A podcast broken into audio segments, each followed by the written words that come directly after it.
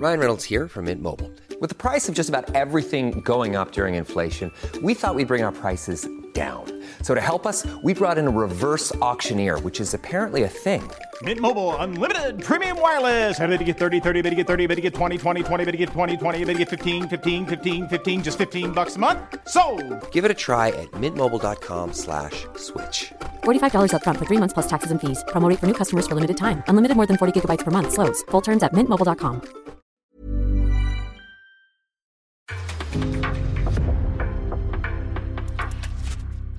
En podcast från Aftonbladet.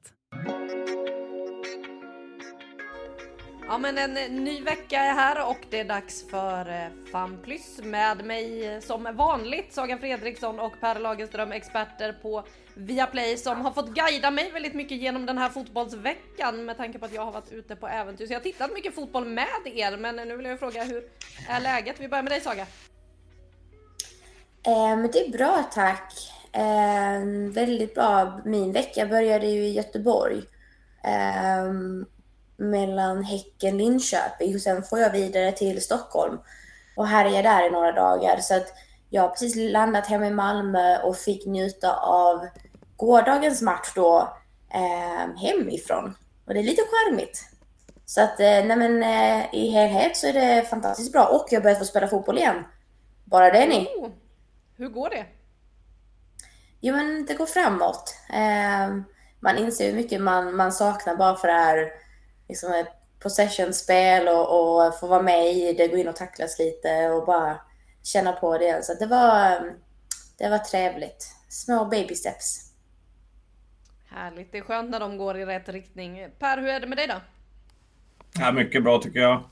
Eh, hade ju ingen match, men det är konstigt om inte har någon match på fredagar där. Fick jag titta, det är skönt. Men eh, kommande vecka ska man upp till Piteå, så det, det ser man fram emot. Och så kan man vara på ett, tycker jag, ganska kokande Hammarby IP kanalplan igår. Det var liksom någon härlig puls liksom som gör att eh, som fotboll ska vara en måndagkväll i maj är det. Jag tänkte säga juni, det passar bättre, men maj är det faktiskt fortfarande.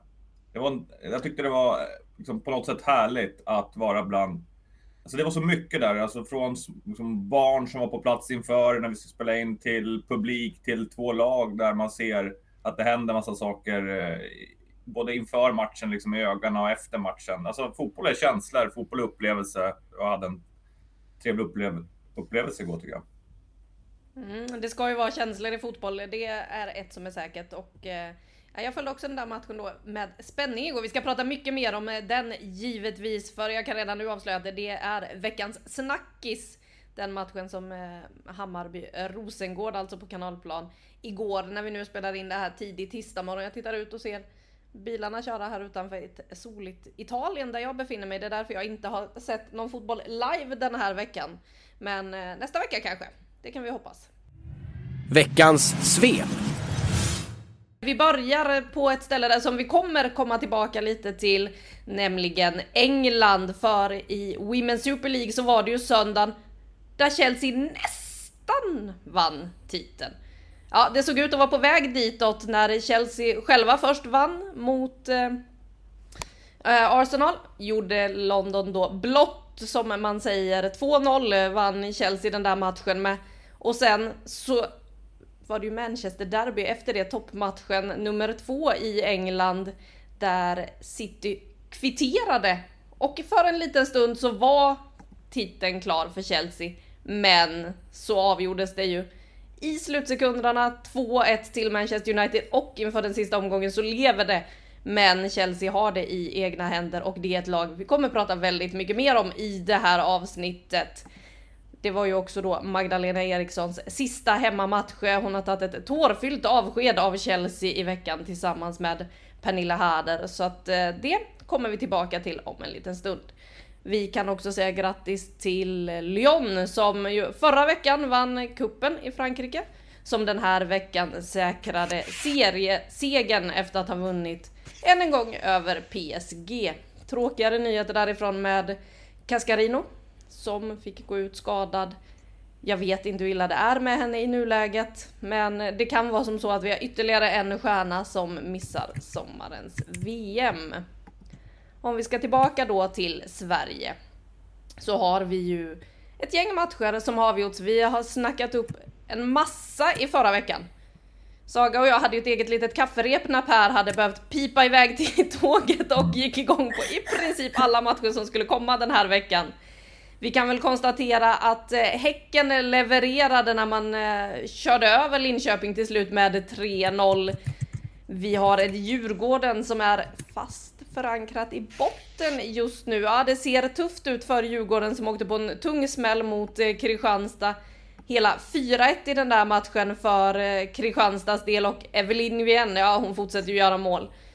Inget som förvånar någon. Sen så har det ju också då spelat matcher i botten. Framförallt, eller ja, det som var toppen mot botten kan vi väl börja med. Där IFK Kalmar stod upp ganska länge ändå mot Piteå. Det blir 2-0 seger för gästerna borta och eh, Kalmar, ja krisen blir bara värre och värre. En poäng inspelad, minus 29 i målskillnad för IFK Kalmar och frågan är när och om det här vänder till helgen väntar en tuff bortamatch mot Linköping för IFK Kalmars del. I övriga bottenmöten, för det var ju en hel del sådana i den här omgången. KIF Örebro förlorade mot Uppsala. Växjö vann mot Brommapojkarna. Sådana där sexpoängsmatcher som blir väldigt viktiga och det är nykomlingarna som går segrande ur de där vilket ju gör att de hoppar upp en bit i tabellen. Vi har alltså nu nykomlingarna för säsongen på plats 8, 9 och 10. Det handlar om Växjö IFK Norrköping och IK Uppsala. Där under KIF Örebro, Djurgården, Brommapojkarna och Kalmar. Så ja, vad säger ni om bottenstriden? Vad kommer hända? Man är fortfarande i chock tycker jag att, eh, att det går som det gör för Djurgården. Um, vi spenderade ganska mycket tid förra veckan tror jag det var och pratade just om, om deras framfart eller kanske icke framfart. Um, ehm, det, det, finns inte så mycket mer att orda om. Det, det går trögt och det var väl ingen som förväntade sig att de skulle blåsa igenom eh, Kristianstad direkt. Eh, däremot Örebro. Eh, hur mår Örebro egentligen? För det, det är ett väldigt spelskickligt lag, men man har förlorat matcher här nu som eh, man inte ska göra. Um, så nej, jag vet, jag vet inte tusan hörni. Det, det, det är en bottenstrid som förvånar mig i viss mån, ska jag säga. Jag hade höga förhoppningar, eller jag hade ganska hög tro på både Växjö och Norrköping. Sen är det ju så här, det här kommer svänga ganska mycket tror jag. Jag tror det kommer svänga beroende på ork, skador, eh, lagen sinsemellan. Så att bottenstriden är jag inte lika så här, säker på att det är så det kommer se ut när vi är färdiga. Um, eller när jag vänder på det, jag är ganska säker på att det inte kommer se ut så här. Um, men det är klart att det förvånar att, att de resultaten i, i veckan blev som de blev. Jag tänker framför allt att Uppsala vinner över Örebro. Ehm, um, Växjö Brommapojkarna är ändå hyfsat tajt. Den, den kunde gå på vilket håll som helst. Ja, det är värt att notera också, det är, så, det är så lätt att få bilder tycker jag av lag och det tar ingen bort liksom Norrköpings fina inledning och fantastiska publik och deras mod som vi pratade om mot Linköping sist. Men de, de har fem raka förluster och det här är ju liksom, det är ju på något sätt jobbigt, Det tror jag är väldigt viktigt för dem. Eh, jag tror inte de kommer bli inblandade i någon nedflyttningsstrid, men när man har liksom förväntningar Helt plötsligt så har man kanske medelförväntningar, sen går det upp så jättemycket och nu behöver de ju verkligen vinna. Så att det tycker jag ändå är anmärkningsvärt att man, man gör den inledningen att de inte vinner eh, på så pass många matcher. Eh, så det, det, det, tror jag är ganska viktigt för dem. Precis som att, på tal om förväntningar, att KIF Örebro och Djurgården nu ligger där på sju poäng på en kvalplats. Den förväntningen, den känslan i de trupperna som du är inne på Saga, det tror jag inte heller är speciellt god. För det är faktiskt en kvalplats. Det har inte varit så många år som det varit så som, som eh, det är klart att allsvenska lag ska vinna den, men att ligga under ett streck Eh, så att eh, sen hoppas jag då, jag vet inte om man får lite hoppas på några lag här, men Kalmar har ju jättetungt. Jag ser inte hur de ska vända det här. BP har ju varit med i många matcher, men det vore tråkigt om två lag ska liksom, det är liksom, det är väl fyra poäng där från BP upp. Alltså vi, vi vill ju att de här strecken ska leva hela säsongen, för där får vi ju då både liksom, de stora stormatcherna och så de här ångestmatcherna som gör, som handlar om just de känslor. Så att skulle ju gärna se att det tajtar till sig lite absolut längst ner eh, så att inte de här strecken blir för tydliga i tabellen. Men där också lite tycker jag, bara för att lägga till kring argumentet Norrköping, att de hade sina inledande fyra omgångar där de hade chans att hämta poäng. De omgångarna som kom därefter har varit tuffare och det tycker jag också vi ser nu att det, det är tuffa eh, det var tuffa motståndare, det är liksom inte heller genomblåsningar där det står 5-0 liksom, på tavlan, det står kanske 2-1 eller att det blir en tight match. Så att för mig så tror jag inte Norrköping, eller så här, hade jag spelat i Norrköping hade jag inte tyckt att det var lika jobbigt för att den förväntningen kan man inte ha på sig själv som nykomling. Sen kanske det blir, som du är inne på lite Per, indirekt för att man har det stödet man har.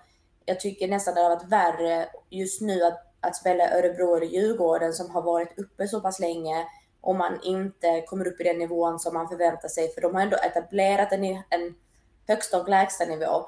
Det hade stört mig mer som spelare än att vara i Norrköping där egentligen de har allt att vinna hela tiden. Det, eh, vi pratar om dem som...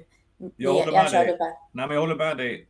Att, att liksom Örebro och Djurgården, det är det värsta. Det vill säga lag som inte ska vara där, så är man där och ingen fatt, alla tittar på varandra. Hur det här är möjligt, det tror jag är jättetungt. Eh, och jag gillar din inställning, men just därför kanske, jag vet att Norrköping, jag tittar på truppen, det är precis det här man behöver höra. Det är dels är det ledarnas uppgift, men jag tror framförallt det behöver finnas på plan. Får se då, jag hyllat mycket om det är en ung lagkapten, hon bär en hel stad, alltså man måste också, liksom, deras styrka har varit att våga slå alla lag. Så att det du säger nu, det behöver ju ske på träningsplan, att någon berättar det för spelarna du får bli värvad Fredriksson så får du hoppa in där och ja, men, rutin måste in. Sen, för sen kan det bli, för de, det ska inte vara något problem, de har inte behövt vinna här, men när man inte vinner fotbollsmatcher.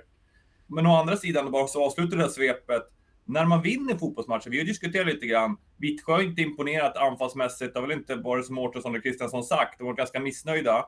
Men vinner fotbollsmatcher och titta vad som händer i tabellen. Alltså de är ju före Rosengård som jag sitter och tittar innan matchen. Och, och, så lever det där ändå. Så att eh, ja, det är en häftig tabell. Eh, och, och, eh, där, och, bara när de började svep så, så starkt, jag tänkte på Lyon där och när, du som Pernilla Harder, Danmark. Är det någon uppstickare här till, eh, till VM när man har vilka spelare de har i form? Det var bara min, min känsla när du nämnde både Lyon och Chelsea där, Anna. Mm, en intressant spaning inför sommarens VM med Danmark och Signe Brun då bland annat eh, med i Lyon. Men om vi bara ska titta på tabellen där en gång till innan vi släpper svepet helt så måste vi återigen konstatera att Piteå leder faktiskt den här serien fortfarande. Eh, och vi pratade ju om dem en hel del förra veckan så vi ska inte fastna där. Men i mitten så är det ju lite intressant där. 15-16 poäng, där har vi Linköping, Vittsjö och eh, Rosengård. Vi har ju pratat om liksom vändningen Rosengård fick och vi kommer komma tillbaka till just Hammarby-Rosengård-matchen, men var kommer Rosengård fasta i den här tabellen tror ni när den är slut? För just nu är de där precis i mitten. Hur mycket mer kommer de att klättra? Min känsla är att vi kommer se ett Rosengård som eh som utmanar, alltså på allvar det här året också. Jag tror inte de vinner. Eh, det har jag jättesvårt att se i det läge som det är nu, men att de kan utmana på Champions League-platserna, absolut. Eh, så pass bra är de. Det tycker jag att vi kan se. Kan man kliva från den, ursäkta alla Rosengårdsfans, men botten som, som de har varit på till där de är nu. Det säger väldigt mycket om kvaliteten. Rosengårdsspelarna blir inte sämre spelare bara för att det var tufft i klubben, laget det var någonting som inte stämde och de kunde inte sätta fingret på det. Therese Sjögran besökte ju vår studio igår ehm, och det var, det var fint som sagt att få sitta hemma och titta och bara ta in för ibland när man är på plats så är det som ett virrvarr och man hinner inte, saker hinner inte landa men hon pratar, det så hintar hon om att truppbygget troligtvis inte är färdigt. Sommaren kommer eh, påverka den, ändra den. Eh, men hon pratar också om hur bra truppen har svarat på den förändringen som skedde. Um, och gjorde det väldigt tydligt att det inte bara är en persons fel. Um, tyckte jag var, var ganska snyggt. Att skicka en signal till René Slegers att, ja men vet du vad, det, vi fattar också att det här var inte bara på dina axlar. Men i alla lag när det är så eh, dålig energi så finns det en enkel lösning och det är alltid tränaren. Tyvärr, det vet ju du Per som är, som är tränare, att det, den, det är ju alltid kniven mot strupen. Det är ju inte så att, att man byter ett helt lag, för det har man aldrig pengar till. Så att eh, jag tyckte det var en snygg signal, eh, men det säger också en hel del om att Rosengård har inte lagt sig ner på marken och sagt ah, attans, det här året blev inte som vi hade tänkt. Så att eh, för att svara ett väldigt långt på din, din fråga Anna, så, så tror jag Rosengård kommer att eh, härja sig framåt och vara uppe i toppen som vanligt när vi är färdiga här. och en annan signal, det är att du kan säga det om ett lag som efter nio omgångar ligger sjua. Eh, för jag håller med dig Saga, att, att man tänker att det är så många poäng och att de ändå ska kampa om det. Jag, håller, jag tror att de har tappat för mycket för att vinna guld, men att de är i Champions League. Det finns förutom det, det finns en anledning till och att hon sprang upp och värmde upp där. Hon heter Caroline Seger. Hon såg ruskigt spelsugen ut. Eh, Nu ska de vara lite noggranna med, med att stega henne, vi vet ju inte. Men hon står på sidan om coach, så att eh, där får du ju dem en dimension till. Eh, men det, det, det, vi kan konstatera avslutningsvis med tabellen, det är att alltså förhoppningsvis är det ju liksom så här många lag som kampar om det så att varenda match i varenda vecka handlar om liksom extremt viktiga tabellpositioner. Det gör det ju nästan unikt i Europa om vi skulle kunna ha en sån serie. Veckans snackis. Och jag vill bara börja den här med, för Per du var inne på när du pratade om matchen på kanalplan att det handlar om känslor och eh, det var ju några tv-bilder där direkt efter matchen som var så brutalt känslosamma när Hammarbys japanska Maika Hamano fullständigt bryter ihop eh, på bilderna man ser på tv och eh, min kollega på Sportbladet eh, Makoto Asahara pratade med henne efter och hon var ju bara så otroligt besviken och eh, sa det, det här var en match som vi behövde vinna och eh, att det var det hon kände, att eh, hon tar på sig så otroligt mycket press och blir så, så ledsen. Symboliserade nog vad många av Hammarbyspelarna kände efter den där matchen, men ja, det var så otroligt mycket känslor hos eh, Maika Haman och Per, du som var på plats, kan du sätta ord på alla känslor som fanns på kanalplan igår? Lycka till! Ja, men känslorna började nästan inför matchen, tycker jag. Där det var ett ganska eh, väldigt fokuserat hemmalag, Hammarby. Och Matilda Winberg var ju så vanligt väldigt ärlig och pratade lite grann också om, i en intervju om självförtroende, trots att att, att liksom, hennes tränare pratade om att eh, faktiskt från september, slutet av september så har de bara förlorat två matcher. Men det är det här som är skillnad ibland på spelare och tränare. Och Winberg pratade om att vi behöver få tillbaka självförtroende, sen 100 procent. Men jag tror att det var och jag sa det tror jag i sändningen, att det är två lag som verkligen vill ha tre poäng. Och det var de känslan som kom. Och precis som Rosengård visste, förlorar man de här, det vi pratade om då, då sticker lagen. Och sen har vi det, på tal om det, så ser man Emma Jansson och Mira Larsson komma på kanalplan och kanske inte veta vilket omklädningsrum de ska gå in i, i det där. Och sen så slutar ju känslorna, de pågår under hela matchen, för det var ju liksom en, en, en forceringsdel egentligen i 90 minuter där, där man inte, försökte analysera det här som, som någon form av tyckare. Det, gick ju, det, det ändrades ju matchbilden hela tiden. Men du slutar med, med Hamano. Du slutar också med Madeleine Janogy som var oerhört besviken när hon intervjuades. Sen kom Olivia Skog. Hon var också oerhört besviken. Hon hade bränt en straff och tyckte hon skulle vinna. Alla var väldigt besvikna. Alla hade väldigt mycket känslor. Eh, vilket gör att det är det här man vill se. Um, sen om man ska analysera, men snackisen var att det var känslor och de var nog utanför Eh, benskydden i alla fall. Mm, Saga, jag vet att du har reagerat på mycket med den här matchen. Om vi bara ska ta något som också var väldigt fint inför. Det är ju att vi får se ett ordentligt tifo inför den här matchen. Hammarbyklacken hade onekligen laddat upp och som du var inne på Per, det var the return of Emilia Larsson och Emma Jansson till kanalplan. Två spelare som har målats upp som eh, två spelare med ett stort Hammarbyhjärta som har gjort många år i klubben. Inför den här matchen så väljer då klacken att göra sitt tifo till den största trotjänaren av dem alla som de har där man hyllar Ellen Gibson. Och eh, det är då ett tifo för er som inte har sett det där man eh, drar upp eh, bokstäverna. E-L L, en bild på Ellen för det andra E och sen ett N och under så står det Trogen sitt Bajen i alla dagar. Hur mycket av en pik var det till Larsson och Jansson? extremt stor pik. Eh, först och främst, eh, Ellen Gibson förtjänar all cred på alla sätt, tar inte från den stunden från henne.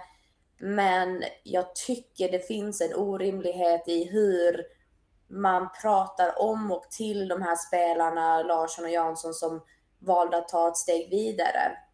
Det är lite som att de har gått till en, eh, en annan Stockholmsklubb och inte brytt sig om sitt liksom legacy. Det är ju absolut inte det de har gjort. Däremot så får man ha med sig att hade de här två spelarna varit självklara startspelare i Hammarby i år? Det vågar jag sticka ut hakan och säga absolut inte. Vi såg ju redan tendenser förra året att det här var spelare som fick komma in och avgöra, ibland spela från start. Eh, absolut att Larsson fick lite mer speltid på hösten, men för mig så är det att ta ansvar för sin utveckling. Det är att inse att okej, okay, här kanske inte jag kommer längre. Du kan älska din förening, din klubb, men de här är ju drivna fotbollsspelare. Jag tycker också, jag vill beröra eh, en, en grej som Makoto gjorde ju eh, lite intervjuer efter matchen. Um, han pratade bland annat med Anna Tamminen eh, där det var, nu ska jag inte misskota för mycket här, men åt hållet att vill man visa de här spelarna vad de har, vad de saknar med att de lämnar, det lägger ju grund till att det fanns ett val för det första. Det låter jag vara osagt, men det är nästan som de tycker att det är liksom haha, titta vad ni, vad ni missar. Och när man pratar och ser vad Emma Jansson och Emilia Larsson, deras reaktioner, det är ju, det är ju nästan som att det ser det finns ju nästan som en sorgsenhet över att vi, men vi lämnar ju någonting som var väldigt fint. Vi, vi älskar det här klimatet och, och den här klubben, men det fanns omständigheter som gjorde att det var ett bättre val att lämna. Och där, alltså så här, nu sitter jag och pratar känslor som inte är mina, så att jag får verkligen lägga liksom en liten brasklapp för det där att det här är min, mina tolkningar på svaren som, som spelarna ger, men det känns orimligt att lägga den piken, framförallt också från Tamminen, att hon säger på något sätt att ja men det är klart man vill visa dem vad de saknar eller vad de missar. Ja, det tror jag de är väl medvetna om. Eh, och sen all eloge till spelarna att de trots detta, detta, dessa påtryckningar inte verkar beröras märkbart. Jag tycker framförallt att Emma Jansson spelar en fotboll som är behärskad och, och hon, ja, hon gör ju också det avgörande målet så att det, det säger väl en hel del och hon på, kanske ändå mådde rätt bra efter och att det kändes lite gött i magen att mm, jag gjorde inte bort mig idag. Han gjorde i alla fall 2-2 målet, men det blev ju avgörande för poängen. Ja, men det är det jag menar. Eh, tack för förtydligandet. Ja, men vad, det visar att jag var på plats. Jag vet inte vad som förmedlas i tv. Vad, vad, vad såg du Anna där? Om, om, om den här, liksom, vad, vad blev dina tankar liksom, när man ser matchen? Nej, men det är ju att det är två spelare som har ett starkt band och det känns som att de var lite påverkade. Jag tycker att man märker på intervjuerna efter det, det är ganska korta svar. Jag tror att det var en väldigt känslomässig match att spela eh, för de här två spelarna och eh, jag tycker att det är härligt också när det blir känslor. För det är ju det man vill ha. Man vill ha in det här, de extra kryddorna i matchen och det här var ju definitivt en extra sån. Hur upplevde du det på plats Per? Ja, men just man får ju lite bilder, men jag tänker också att de, de var laddade. Jag tycker på något sätt att Eh, det, blir, det blir ju snack, liksom. men det som hände på plan, det var ju en sån här skör balans tycker jag. Alltså, jag kommer ihåg Larssons stenhårda tackling mot Rodda där, precis framför. Eh, och den var hård, men den var inte jätteful, men den var stenhård. Eh, gult kort ska den vara värd. Men sen då, behövde slut, måste hon gå tillbaka precis vid klacken och, och be om ursäkt. Mm. Den promenaden, hon skulle be om ursäkt till, till Roddar. Eh, men hon gör ändå det, för jag tycker man såg att det finns, alltså det, det var liksom känslor som hände, men det var också spelare som har relationer. Jag såg Matilda Winberg, tror, hon gav väl någon, Larsson någonting, jag vet inte om det var en arm i huvudet i andra halvlek. Och det är ganska tydligt sen att Winberg går och kollar hur det är. Så det var ju två lag och det tyckte jag även övriga spelare som har respekt liksom, för varandra. Alltså båda lagen och det är därför matchen också blir så bra. Alltså det, det ska ju vara stentuffa närkamper. Båda lagen bjöd ju till med det där, men också anfallsmässigt. Man vågade anfalla, man släppte, jag brukar kalla det handbromsen på något sätt. Sen kan man ju, behöver inte analysera försvarsspel och försvarsspel på inlägg, men offensivt var det ju en enorm kraft från två lag. Hammarby som gjorde det genom att kanske sitt spel att kontrollera spelet på ett annat sätt och lite längre anfall.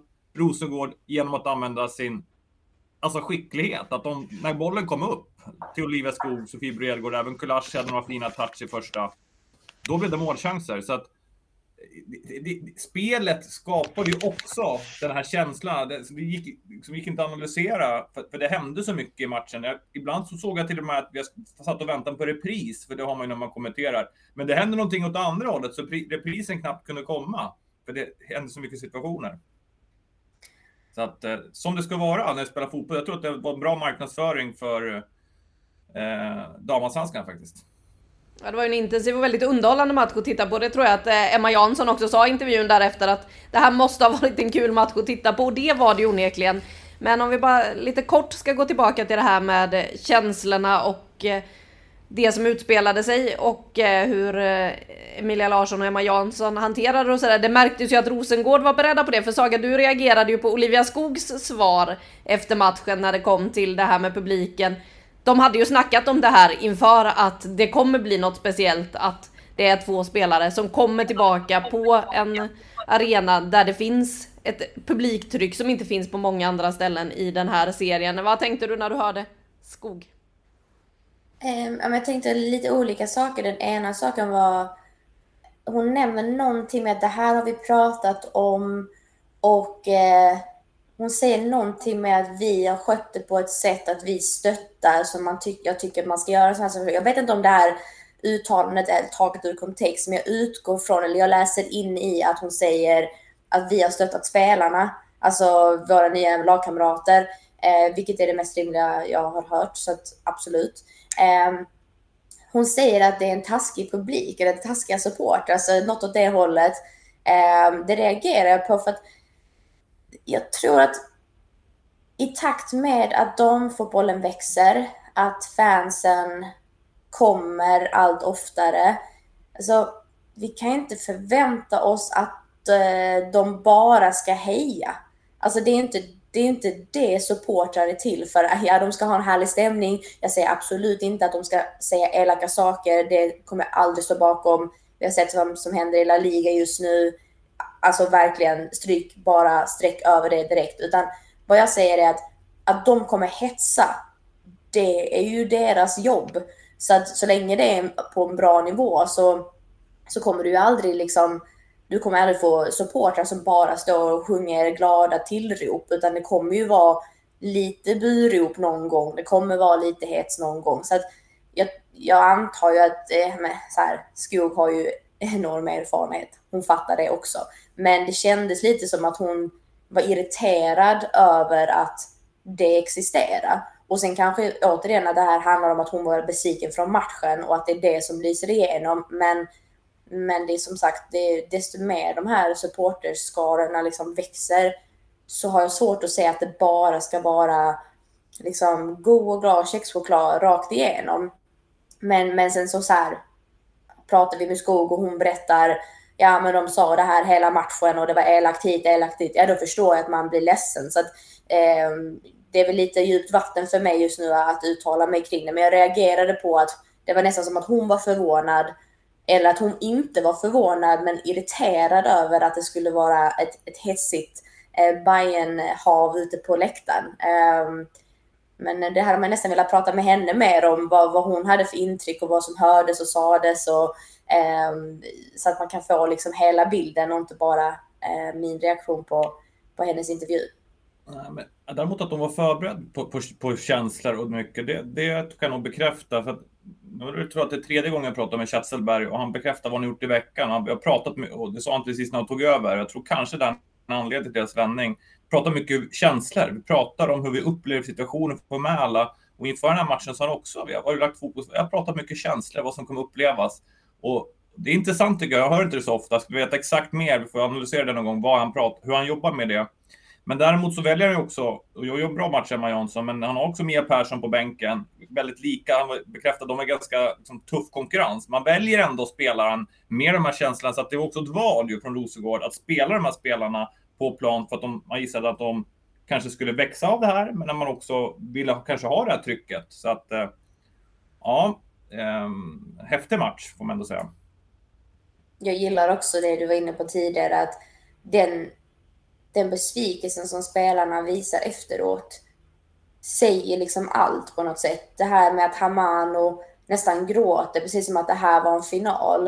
Eh, att Janogy är så taggad i halvtid när de har gjort två mål och så nedskjuten efter för att det var så nära. Eller att Olivia Skog hade det i sina egna händer men, men släpper den. Alltså det, det är klart att någonstans i allt detta så är det ju det här det här är den mest briljanta fotbollsmatch vi har sett på länge tycker jag. Alltså utifrån sett. Det här är så mycket underhållning.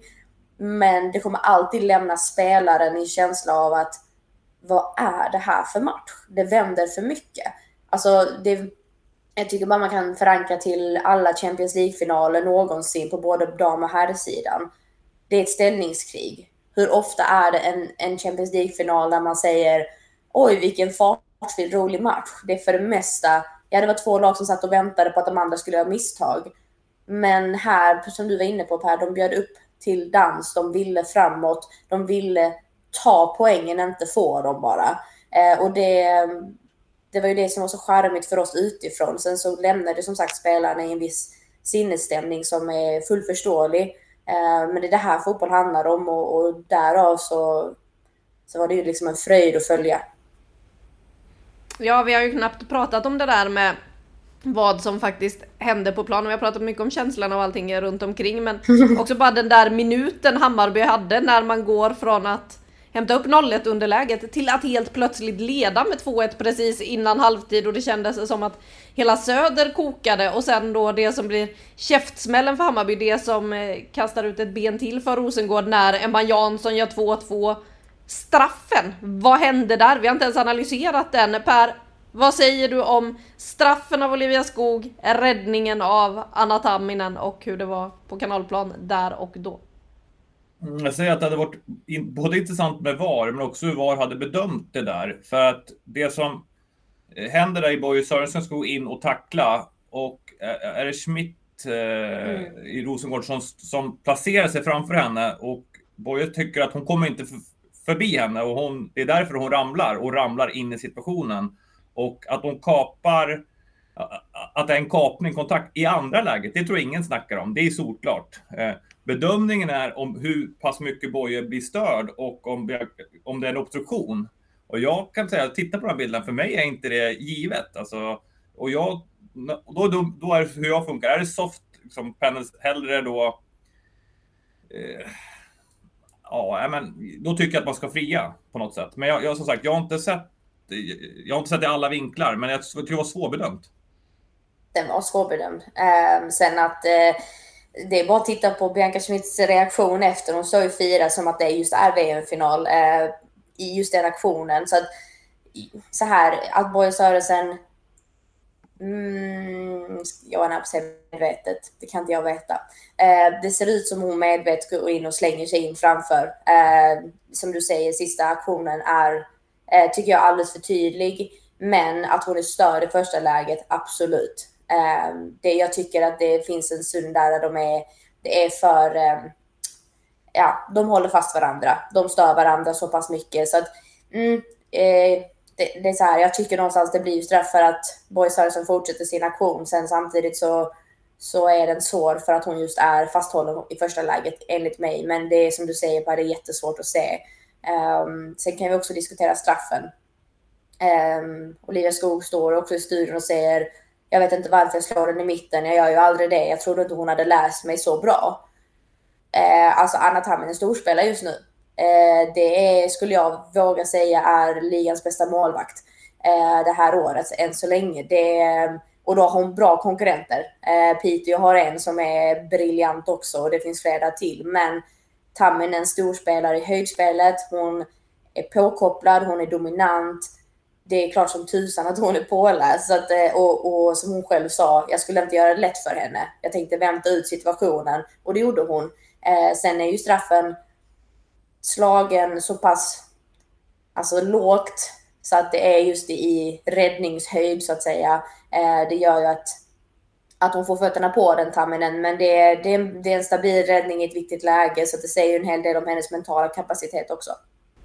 Mm, och det blir alltså delad pott här. Vi var inne på Rosengård tidigare. Vi har Hammarby som har legat i topp i den här serien innan som nu har halkat lite efter här den senaste. Det har varit inne på att Rosengård är för långt efter för att ta guldet. Vad säger ni om Hammarbys chanser att eh, vinna ett SM-guld den här säsongen med utgångsläget som är nu? Är goda, tycker jag. Eh, de har en högsta nivå som är hög. De har en viktig match eh, mot Kristianstad kommande vecka. Det är en jätte, jättetuff match. Men jag som jag sagt, de har, Rosengård har tappat fler poäng. Jag tror att många lag, även Kristianstad, tror inte heller den blir avgörande mellan Kristianstad och Hammarby. För jag tror att topplagen kommer vinna av varandra. Så att Eh, de lagen som har breda trupper, många trupper, liksom, och som inte tappar för mycket poäng kommer vara med länge. Så att det tror jag både Hammarby och Kristianstad kommer vara. Men där vill jag också lite lägga till att den här högsta höjden eh, kan vi aldrig snacka bort. Sen behöver vi diskutera eh, Cooney Cross, tycker jag. För det där är en spelare med sin högsta höjd är återigen kanske allsvenskans bästa mittfältare. Men hon har stunder av tappar fokus och då pratar jag inte om hennes målchans, ska jag verkligen lägga till. För att det, det där händer den bästa. Så att det, det, hon är trött, hon, hon tar ett beslut, hon har självförtroende nog att, att dra på med kraft i det läget. Eh, jag pratar om den här omställningen som blev eh, två mot en mot målvakt i princip. Men i matcher har jag noterat att hon, hon tappar fokus, hon tappar eh, intensitet och att placera sig rätt. Sen så är det stunder bara. Men hon är också ung. Hon är en spelare som växer eh, och har enligt mig tillåtelse att vara lite ojämn ibland. Men det gör ju också att Hammarby, om hon ska vara kuggen på mitten, om hon ska vara den som styr och ställer, om hon ska vara deras seger, ja då kommer de ha matcher där de inte alltid får träff på allt det de vill göra. Um, och det är på samma sätt som att kan man beskylla Winberg Hamano för att ha en, en läggmatch någon gång. Att de inte kanske kommer upp i absoluta högsta nivå. Nej, för att de är i en väldigt ung ålder och de måste få lov att ha den processen, precis som alla unga spelare måste få. Precis som att Rosa Kafaji är alltså den mest briljanta magiken på planen, men har också stunder där man tänker attans du, där var tajmingen fel. Och det hör till. Så att det, det är det som är charmen i det här också tycker jag, att, att vi kan inte riktigt säga alltid för att det är ojämnt um, i stunder. Men nej, Hammarbys chanser, jag har ju inte tippat dem som, som etta eh, någon gång tror jag. jag. Jag har absolut trott att de ska vara i topp tre. Eh, nej vänta nu la jag dem kanske fyra när allting kommer omkring. Skitsamma egentligen. Att de kommer vara i toppen, det tror jag. Men eh, att de vinner, det, det, tror jag inte. Så att, eh, men vi kommer se mycket rolig fotboll från Hammarby eh, med Cross, Winberg, Hammar och i täten eh, i alla upp och nedgångar. Veckans lag. Ja, men vi tog utanför Sveriges gränser. Du var inne på det i början här. Vi har ett, ett, en VSL eh, liga som avgörs till helgen. Nästan att Chelsea avgjorde den redan nu, eh, men de har också vunnit en FA Cup-final, pratade vi om veckan innan. Med tanke på att vi har två, eh, en svenska som lämnar Chelsea och en danska som också lämnar Chelsea, och lite extra aktuellt att ha koll på just Chelsea som veckans lag med Emma Hayes. Jag ska släppa in alldeles strax, men jag gör så ibland när jag verkligen vill analysera ett lag, att jag tittar igenom presskonferenser, hur många som, egentligen alla Hayes, eh, tror jag senaste tio i alla fall, eh, för att försöka förstå lite grann om, om dem. Det är väldigt svårt att analysera vad som händer på en träningsplan när man inte är där. Men Emma Hayes har ju tidigare, tycker jag, fått lite... En ikonisk ledare. Alla spelare pratar jättegott om henne. Men hon har fått, liksom, om man, liksom, den lilla kritiken hon fått är ju ibland att hur hon anpassat sitt spel för taktiskt för att kunna ändra matchbilder. Tycker man ser det, dels liksom när man lyssnar på henne, men varför tycker spelarna om henne så himla mycket? Förutom att det måste vara en otroligt skicklig tränare. Jag tyckte jag hade några detaljer som jag tyckte hon pratade om. Otroligt tydlig med att, han, att prata om truppen Chelsea, nästan alltid. Det vill säga, hon gör massa saker för det. det. Det är inte bara snack. Jag hörde att hon spelar aldrig en första elva mot några andra, för det skapar det är vi mot dem i ett lag. Hon, hon mixar alltid upp laget på träningen. Du får inte se det. Rätt eller fel vet inte, men så gör hon. Och du ser också att Chelsea roterar ganska mycket. De har ju en trupp för det, en enorm trupp för att komma dit. Men det är att de har spelat varandra på träningarna och rotera kraftigt i matcher. Men just att säga det och att göra det och att uppleva att varje individ är viktigt. Och sen då, om vi kommer till, kan vi fortsätta sen med spelet, men vi kan väl pausa där. När man ser också någon tapp, när, när spelare slutar, då, då är det är så känslosam Hayes så det är inte sant. Och även spelarna är känslosamma. Och det är ju på något sätt det humanistiska perspektivet, att de lever med den här klubben. Och det tror jag som tränare att man får ut. Och, och får spelare trivas, tror spelare känna viktiga. Och sen har du ganska bra spelare. Där har du liksom grunderna liksom med Emma Hayes, som jag vill ändå sätta som ett utropstecken. Om det var er bild av henne så kan vi liksom ta det spelet som nästa steg. Jag vill bara lägga till där jag har innan, men det är faktiskt en av de mest påtagliga psykningarna för en spelare på, på träningsplanen när man vet att eh, tränaren har satt startelvan på banan för att spela mot the leftovers. Eh, det kvittar vilket lag jag har varit i. Eh, jag har varit i en del. Men känslan när man är i den symboliska startelvan och när man är utanför är extremt påtaglig. När du är i den, nästan så att du kan andas ut och bara, aha okej, okay, nu kan jag faktiskt spela 11 mot 11 här och, och göra min grej och bara andas för att jag vet att jag, jag har foten inne. När du inte är det, besvikelsen, irritationen, känslan av att och jag vill bara in och smälla på nu, visa att jag borde vara i startelvan, men jag vet om att hon eller han, min tränare, har redan bestämt sig för vad, vem som ska ut på den här planen nästa. Och det, det är en psykning. Jag vet inte hur många samtal man har haft med eh, kamrater på, i ett lag som kanske då inte är i startelvan som säger men vad ska jag göra, hur ska jag tänka? Och man bara, jag vet inte. Eller när man själv har varit där, att man, man känner sig så uppgiven. Och det är, jag älskar den signalen Per. Jag tycker det är så coolt med tränare som är så vi pratar om spelare som ska vara well-rounded, de ska ha alla komponenter. Men en tränare som bara är taktiker kommer bara så långt. En tränare som bara är emotionell och bara tar hand om spelarens eh, emotionella värld kommer bara så långt. Du måste kunna bygga på alla delar och det tar också erfarenhet, det tar tid. Så att, att de, de tränare som får, kommer riktigt långt, det är ju faktiskt de som, som har alla, alla bitar. Eh, och det får man verkligen säga att, att Hayes har, har lyckats med, eller är liksom på väldigt god väg att lyckas med, eh, med tanke på då att det finns fler delar i fotboll som, som kan utvecklas. Mm, jag träffade ju henne, eller var på presskonferens med henne där i samband med semifinalen mot Barcelona som de ju förlorade och när hon kliver ut därefter, alltså det lugnet hon ändå hade i den situationen, den pondusen och det sättet som hon svarar på alla frågor där det också blir det här att hon hela tiden pratar ur spelarperspektivet, att hon lyfter sina spelare, att hon trycker väldigt mycket på det här liksom vad de ändå gjorde bra mot Barcelona. Eh, att de, hon var ju inne på att eh, de lyckades skaka om Barcelona rejält, att Barcelona aldrig sett så här pressade ut och verkligen välja att lyfta de här eh, typen av grejer på presskonferenserna efter och resonerar väldigt mycket med de brittiska journalisterna som ställer frågor. Hon gillar ju att snacka, hon har ju också blivit hyllad så, eh, när hon har klivit in som expertkommentator i tv-sändningar under mästerskap och sådär. Så att det är ju en eh, tränare som har ett otroligt fotbollskunnande. Men som du är inne på Per, hennes eh, taktiska delar har ju, eh, hennes coachning under matcher, den har ju ifrågasatts ibland. Men nu är Chelsea där uppe ändå. Det såg ju kanske lite skakigt ut, framförallt eh, den här säsongen för Chelseas del. Den började ju med en förlust mot Liverpool och man kände What the heck, vad är det som händer i England? Så vad säger ni i spelet att det är som gör att Chelsea ser ut att vinna WSL ännu en gång?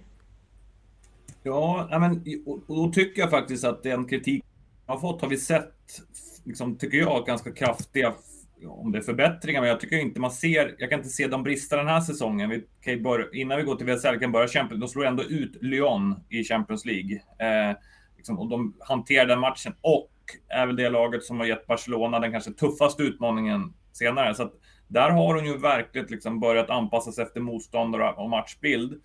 Och sen var du inne på det, det såg vi faktiskt eh, väldigt, tycker jag, knackigt ut i början. Alltså förlora mot Liverpool, nykomlingen, man fick inte ihop alla stjärnor och man funderar på hur ska det här gå?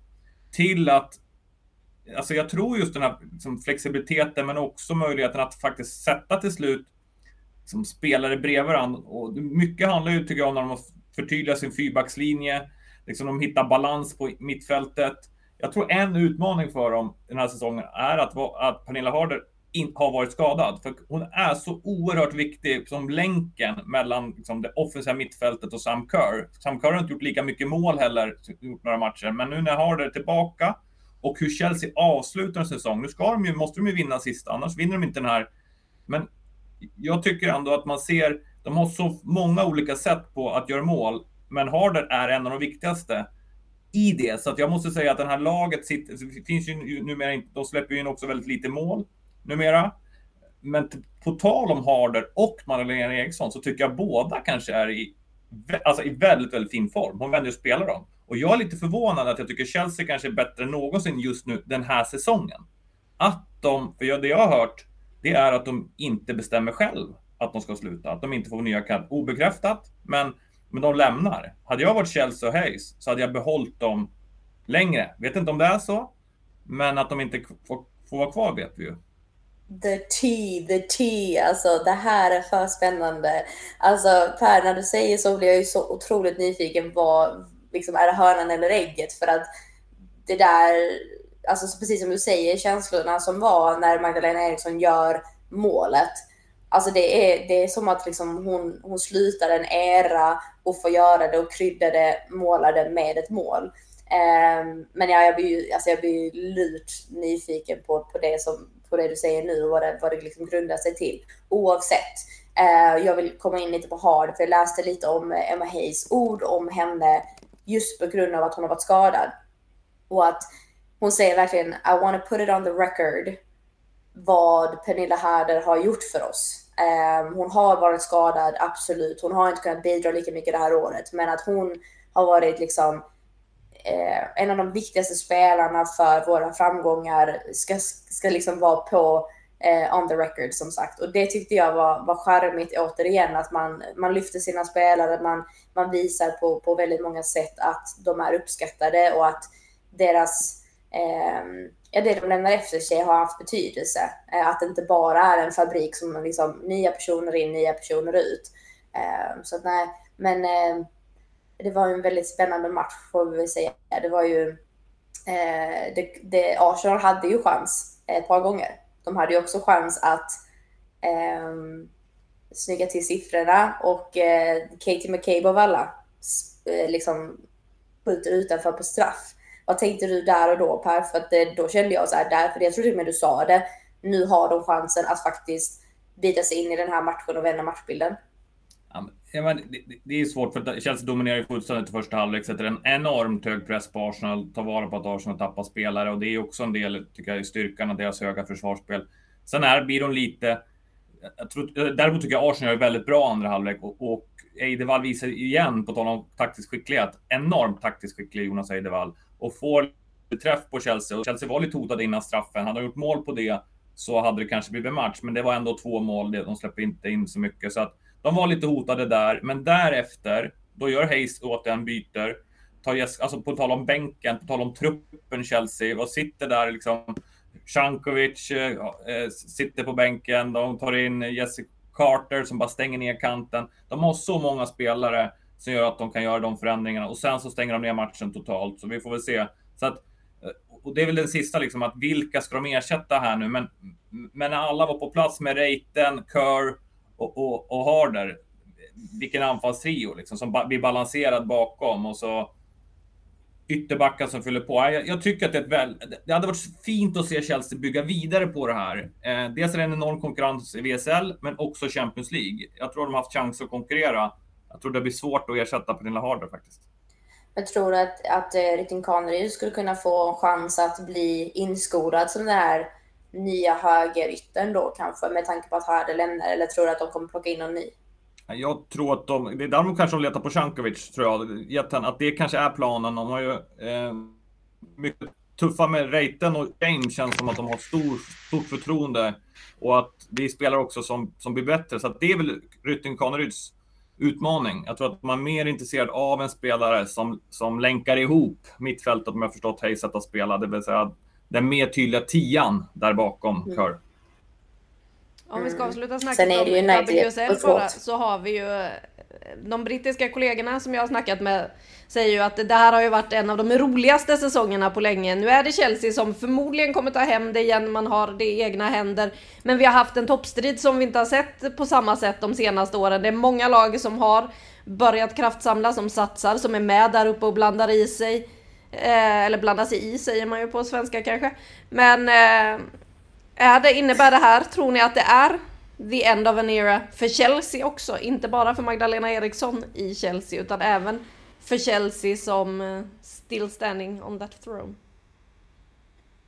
Alltså på ett sätt ja, för det var det jag, när jag råkade avbryta dig Anna, eh, var lite på väg till att United har gjort en så jäkla bra säsong. Alltså det City har inte kommit upp i sin nivå eh, och de kommer inte acceptera det. Alltså de är alldeles för drivna för att, att acceptera att de inte tar sig in i Champions League det här året efter att ha gjort det åtminstone de sista tre åren. Eh, Arsenal kommer inte sluta sin framfart bara för att de har, det är liksom, kan de undvika skador så hade jag, alltså jag, nu larvigt av mig att sitta så här i sista omgången och säga hade inte Arsenal haft sina skador så hade de vunnit. Men jag tror det. Jag tror genuint att de hade det i sig att vinna ligan i år. Men med skadorna så har det, alltså de har trots det lyckats hålla sig kvar så högt uppe. United behöver rusta upp, absolut. Men det de har gjort det här året är alltså hatten av. De spelar otroligt rolig fotboll. Eh, så får vi se om de behåller Russo, de får se om de håller Ona Bataille. Jag tror att de båda är, riskerar att lämna. Hur ersätter man de två? Eh, jätteviktiga spelare. Men, men med det sagt, ja, risken finns, eller kanske fördelen är att det börjar bli så. Att det inte blir självklara vinnare, precis som i svenska ligan. Eh, vi, nu väntar vi bara på att franska ligan också ska börja bete sig så. För jag, jag tror att alla mår bra av det. det vi ser det på här sidan också. Så så här, Bundesliga, hur kul är det att veta att Bayern München ska vinna varje år? Nu är det inte så, du vet ju inte om de gör det. Så därav så tycker jag liksom att det kanske är på väg dit och det kanske är dags att det är på väg dit för att det, det gör det ju betyder någonstans, eller jag, jag antar att det betyder att de fotbollen verkligen tar kliv. Sen behöver vi, vi behöver fler spelare på väldigt hög nivå för att orka rida den vågen hela vägen ut. Men att det är på väg, det tror jag. Ja, jag tror också att däremot på den resan kommer Chelsea finnas kvar. De har ju redan mer eller mindre liksom haft en trupp och de värvar ju Nysken här nu från Frankfurt. Och, så att, eh, men, men, det är bra och jag vill påstå att eh, VSL är Europas främsta liga. Får vi skulle titta på amerikanerna lite till om det inte är världens bästa. Eh, det går väl att debattera, men att, att de leder utvecklingen i Europa och att det är väldigt bra att det är så många lag som kampar om det, inte Chelsea är så ensam. För de kommer få mer och mer konkurrens. Och det kan ju faktiskt bli så att United vinner den här, då får vi lätta upp det här nästa avsnitt. Ehm, ehm, för att eh, Chelsea måste vinna eh, om United vinner. Så att, eh, det är inte avgjort än, men det är ett bra Chelsea. Det är inget snack om det och det är värt att titta på. Så att, vill man grotta ner sig i det laget så tycker jag man ska göra det. Så där väver vi också ihop 5 plus och veckans match i nästa. För det, jag tycker att vi ger 5 plus till de här toppstriderna och veckans match nästa vecka. Ja, där kan vi väl slänga in att vi har ännu en seriefinal i damallsvenskan att se fram emot. Ettan mot tvåan, Piteå mot Häcken på fredag. En match som man sannoliken bör bänka sig för. Det finns massa mer matcher att titta på också, men vi närmar oss vårt slut här så att det får bli en abrupt avslutning på veckans program. Saga, tack för att du har varit med. Per, tack för att du har varit med. Och tack alla er som har lyssnat. Vi hörs igen om en vecka.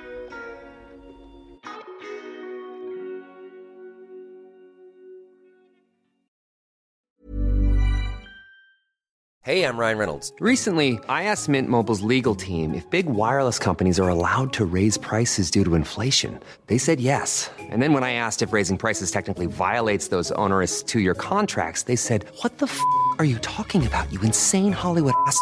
So to recap, we're cutting the price of Mint Unlimited from $30 a month to just $15 a month. Give it a try at mintmobile.com slash switch. $45 up front for three months plus taxes and fees. Promo for new customers for limited time. Unlimited more than 40 gigabytes per month. Slows. Full terms at mintmobile.com.